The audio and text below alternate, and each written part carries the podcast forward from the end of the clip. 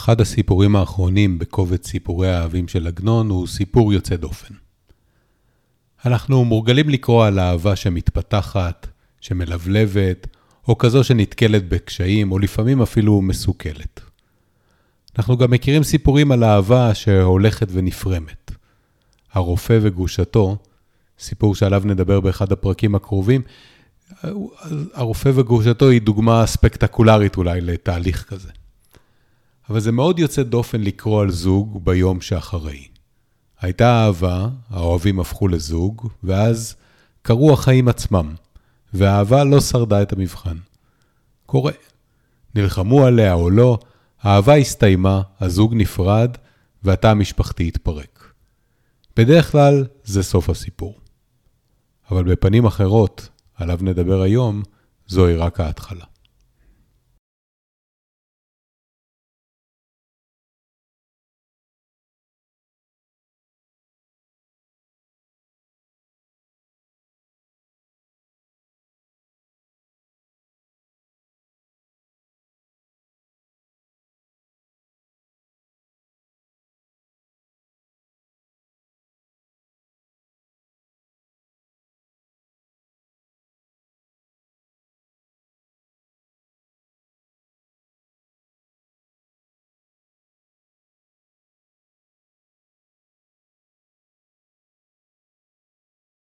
היא הייתה לבושה שמלה חומה, ועיניה חומות היו חמות ולחות. כשיצאה מבית הדיין וגיתה בידה, המתינו לה סווירש הבלונדיני ודוקטור טנצר, שני בני אדם בחורים שנתקרבו אצלה משנה ראשונה לנישואיה. מתוך ריסי עיניהם ניכרת הייתה שמחתם. שעה טובה שכזו, שטוני הרטמן נפטרה מבעלה, לא ראו אפילו בחלום. שמחים קפצו שניהם לקראתה וחיבקו את ידיה. אחר כך הוציא סוויר שצוחחה מידה וטלאו בחגורתה, ונטל את שתי ידיה בבת אחת ונענע אותם בחיבה יתרה.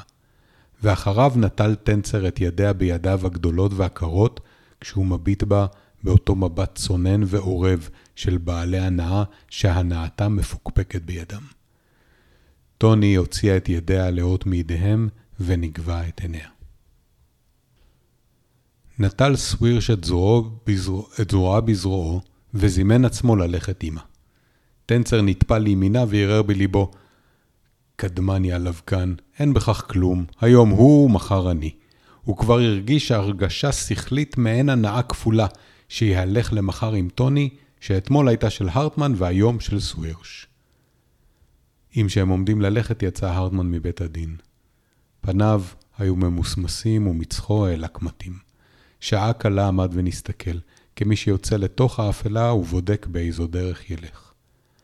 ראה את טוני, ועימה סווירש וטנצר, נתן בעיניו המיוגעות והקשות ואמר, עמהם את הולכת? קיפלה טוני את צעיפה כלפי מצחה ואמרה, היא אתה רוצה. קולה הרעיד את ליבו.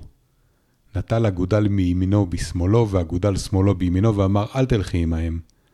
טוני קיבצה את מטפחתה שבידה, וזקפה את עיניה הנוגות כנגדו, ועמדה בלא כוח והביטה בו. כל עמידתה אמרה, התבונן עליי, אם יכונה אני ללכת יחידה. בא לו אצל טוני. נרתה סווירש ונשמטה זרועו מזרוע. טנצר, שהיה גבוה מהרטמן, מתח עצמו כגיבור ועמד מלוא קומתו, אבל מיד נכפפה קומתו ונתרשלו איבריו.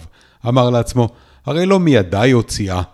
הניף כובעו והלך לו כדרך שעשה סווירש חברו ופיזם פזמון קל שתיקן לאותה השעה.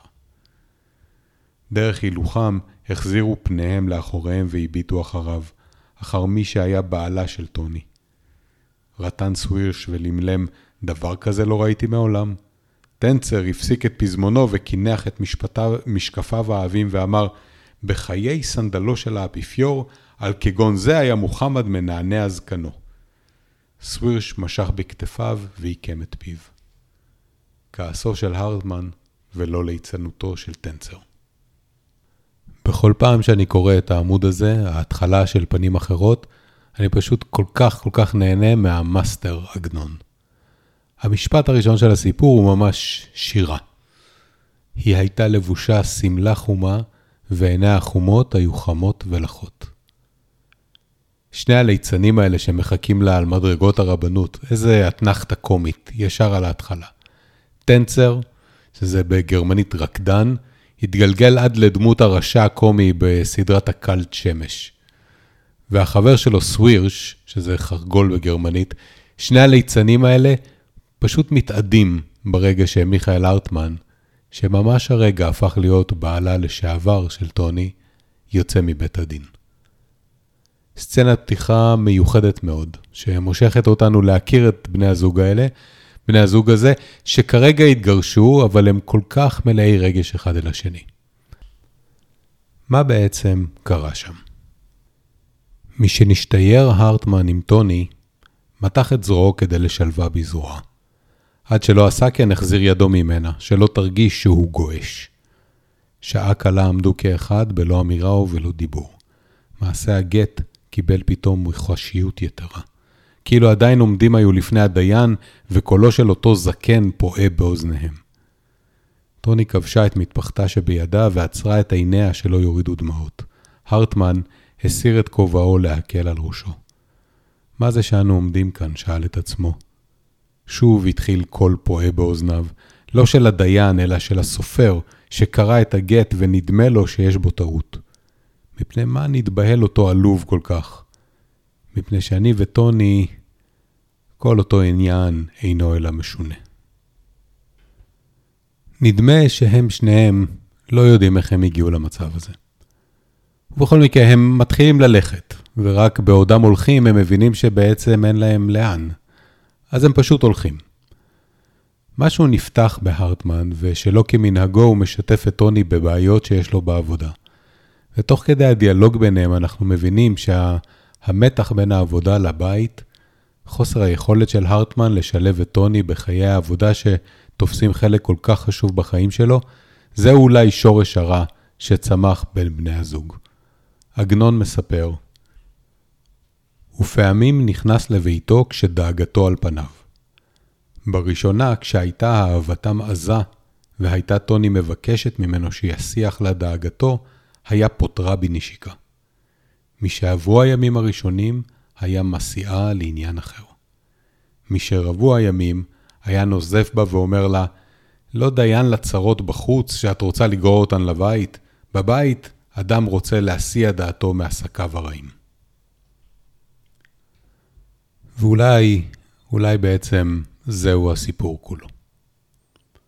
מכל מקום, טוני ומיכאל ממשיכים בשיחה ובטיול, ומגיעים אל מחוץ לעיר. ועגנון מספר לנו על מצב הטבע שם, ועל השתקפותו במצב הנפשי שלהם. החמה עמדה לשקוע. שיבולים שבשדה נענעו עצמן דמומות, וחמניות הביטו בעין אחת מתוך פניהן הצהובות שהאפילו. הרטמן הושיט את ידו לתוך חללו של אוויר והחליק את צילה של טוני. שתיקה גמורה שלטה על כל סביביו. טוני נטלה את השוחך, נעצתו בקרקע וחיטטה לפניה. מעשה זה שאין בו לא תכלית ולא יופי, הרגיש את ליבו. שוב הושיט הרטמן ידו והחליק את האוויר. החמרה, החמה, גמרה מהלכה, והרקיע נעשה כהה. הארץ עמדה משתוממת ואילנות שבשדה האפילו. האוויר התחיל מפשיר והולך, ומקשאות נתנו ריח. בגובהו של רקיע נראה כוכב קטן, כראשה של סיכה. אחריו חלחל כוכב מבין האביב, מבין האבים והבהיק, ואחריו יצאו שאר כוכבים. הערב יורד, והם רואים אה, מרחוק אור של פונדק דרכים. והדיבור ביניהם גם נהיה קצת יותר גופי, יותר מוזר, ובוודאי יותר טעון. הדרך נמשכה והלכה, פעם כלפי ימין ופעם כלפי שמאל. אור הפונדק נעלם ונגלה, נגלה ונעלם. מן האדמה עלה ריח של לחלוכית. טוני רעדה משהו בלא שהרגישה קור בגופה. דמומה הביטה לתוך האפלה שמקטפת אותה ואת מיכאל. שוב נגלה אור הפונדק וחזר ונעלם. טוני צמצמה את כתפיה, ורוח חלפה בעצמותיה. קר לך? שאל הרטמן בחרדה. דומה עליי שבני אדם באים. אין כאן אדם, אמר הרטמן, או אולי... אמרה טוני, מימיי לא ראיתי אדם גבוה שכזה. בבקשה ממך, ראה, בא אדם וסולם בידו. עלה בסולם והדליק את הפנס. רפרפה טוני בעיניה ומשכה רוח. שאל מיכאל את טוני, כלום רצית לומר דבר? השפילה טוני את עיניה ואמרה, לא אמרתי כלום. חייך הרטמן ואמר, ראי זה פלא, דומה היה עליי שביקשת לומר דבר. העדימו פניה של טוני ואמרה, אני ביקשתי לומר דבר? הביטה בצילה ושתקה. חייך הרטמן ואמר, אם כן, לא ביקשת לומר כלום, ואני הייתי סבור שביקשת לומר דבר. שתקה טוני והלכה לצידו של מיכאל. נראו שני צללים. ראשו של אחד בצד ראשה של טוני, וראשו של אחר בצד ראשו של הרטמן. עד שנגלו עליהם שני בני אדם צעירים, בחור ובתולה. כל האוויר כולו נתרבה ממאווייהם הגלומים. הביט בהם הרטמן והם הביטו בו.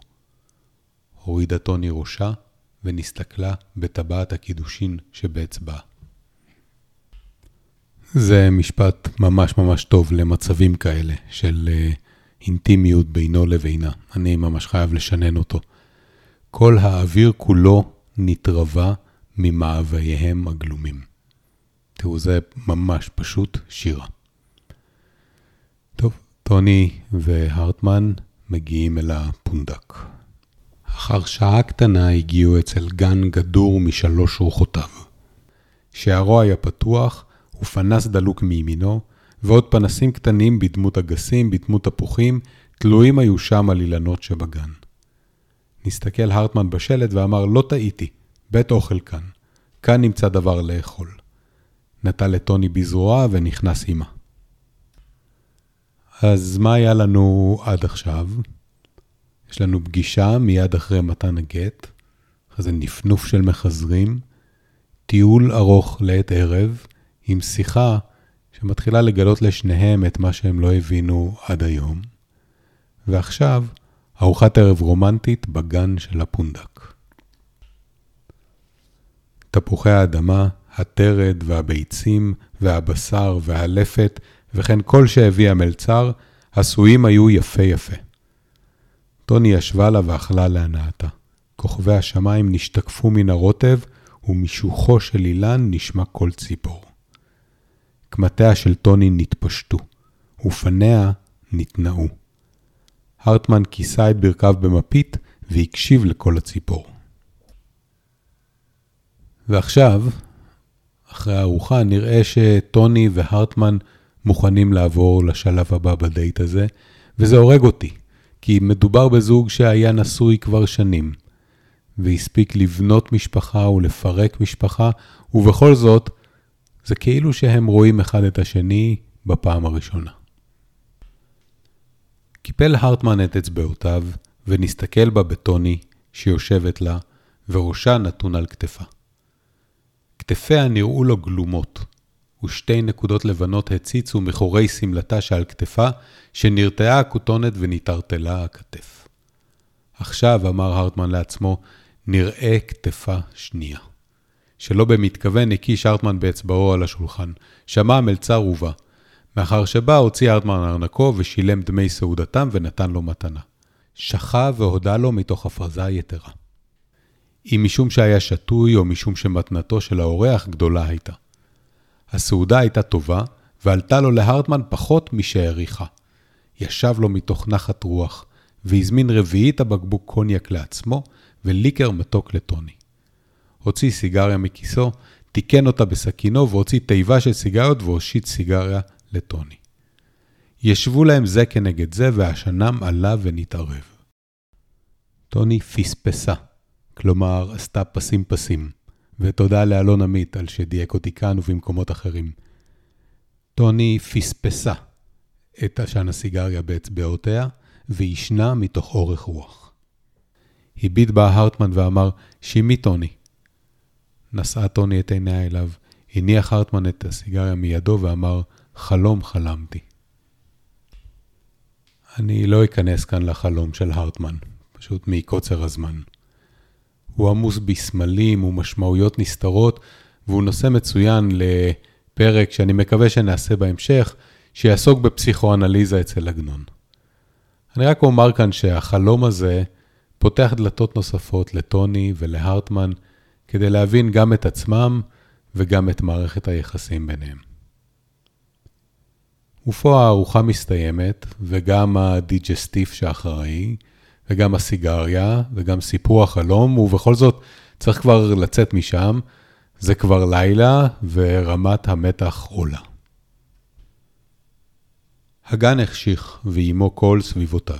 צפרדע קרטעה בין העשבים. טוני זרקה פרחיה מידה בבהלה.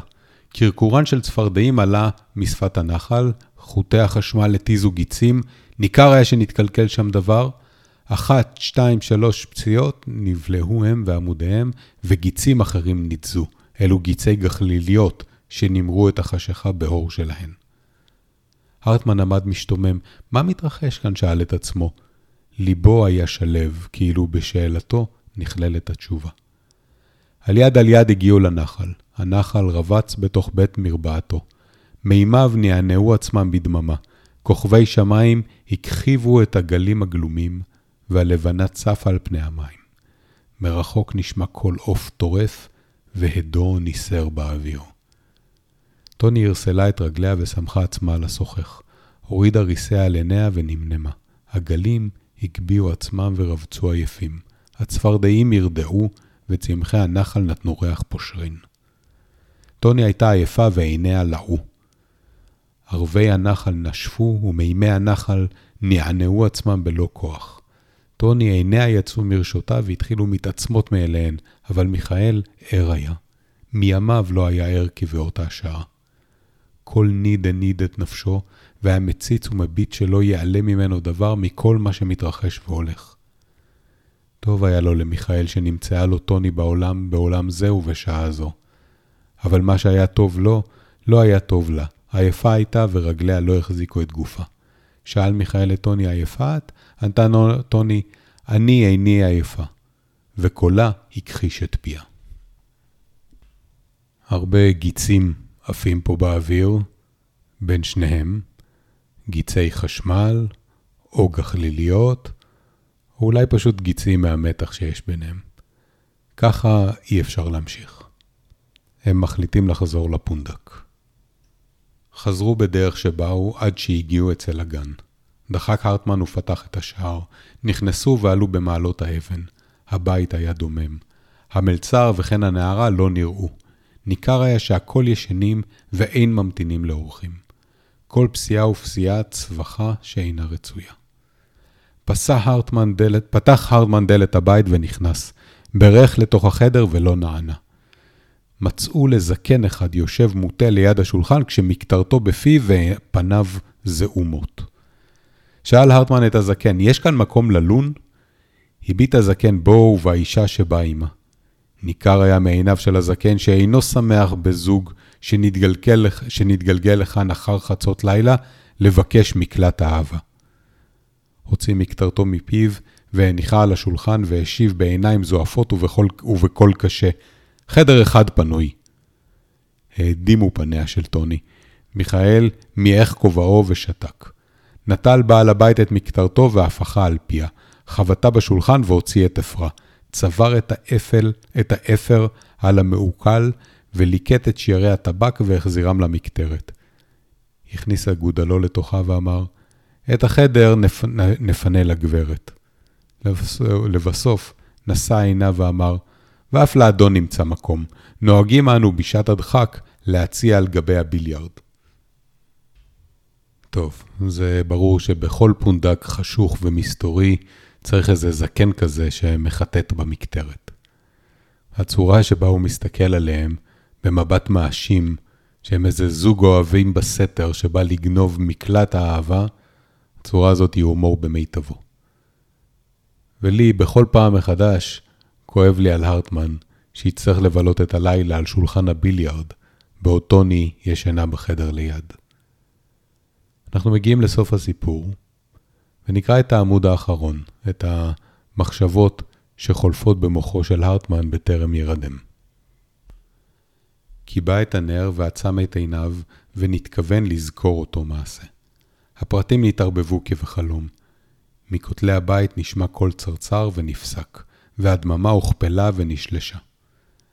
איבריו דממו ונפשו נרגעה. שוב חזר הצרצר לצרצר.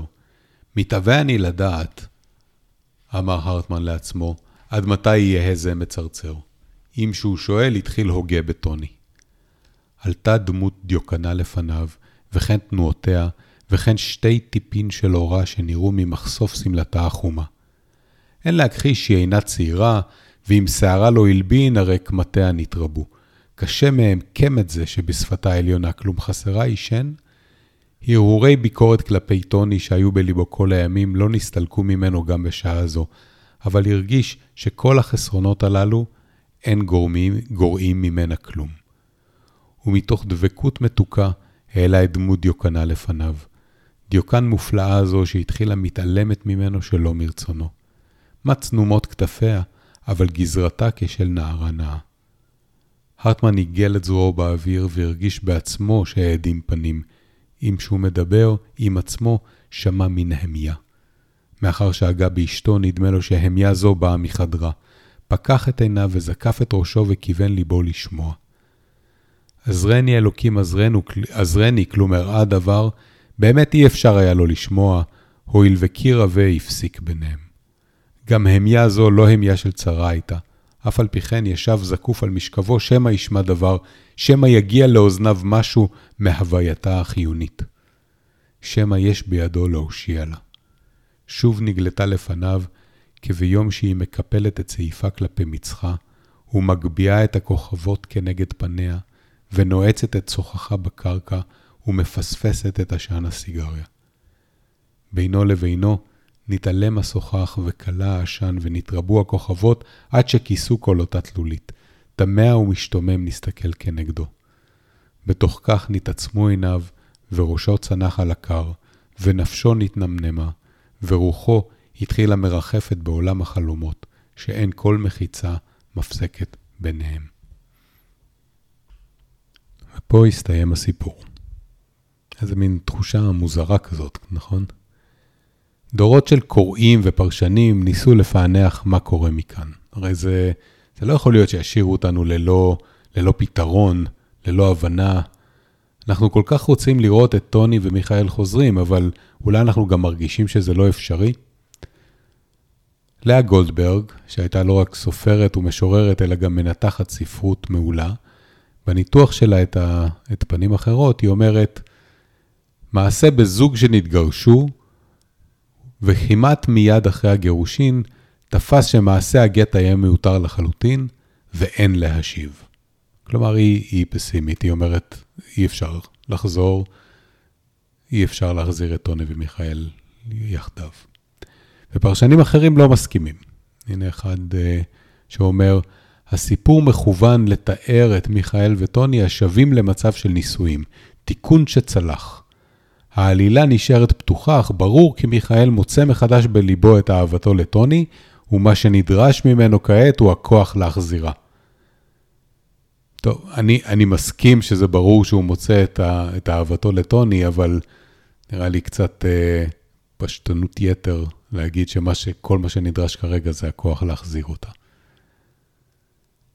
אני מאמין בסופו של דבר שאולי אפילו השאלה הזאת היא לא שאלה לגיטימית כל כך. הסיפור הוא הסיפור. ומה שמתארים בו זה מה שקורה לטוני ולהרטמן במהלך הסיפור, וקורה כאן ממש הרבה. והשאר, כמו שמנחם פרי כותב, תשובה מדויקת על השאלה מה יקרה לאחר סיום סיפור זה, אינה מעניינו של קורא הספרות, אלא מעניינו של הרכלן צמא הסנסציות. ובתובנה לא מספקת זו, נסיים את הפרק.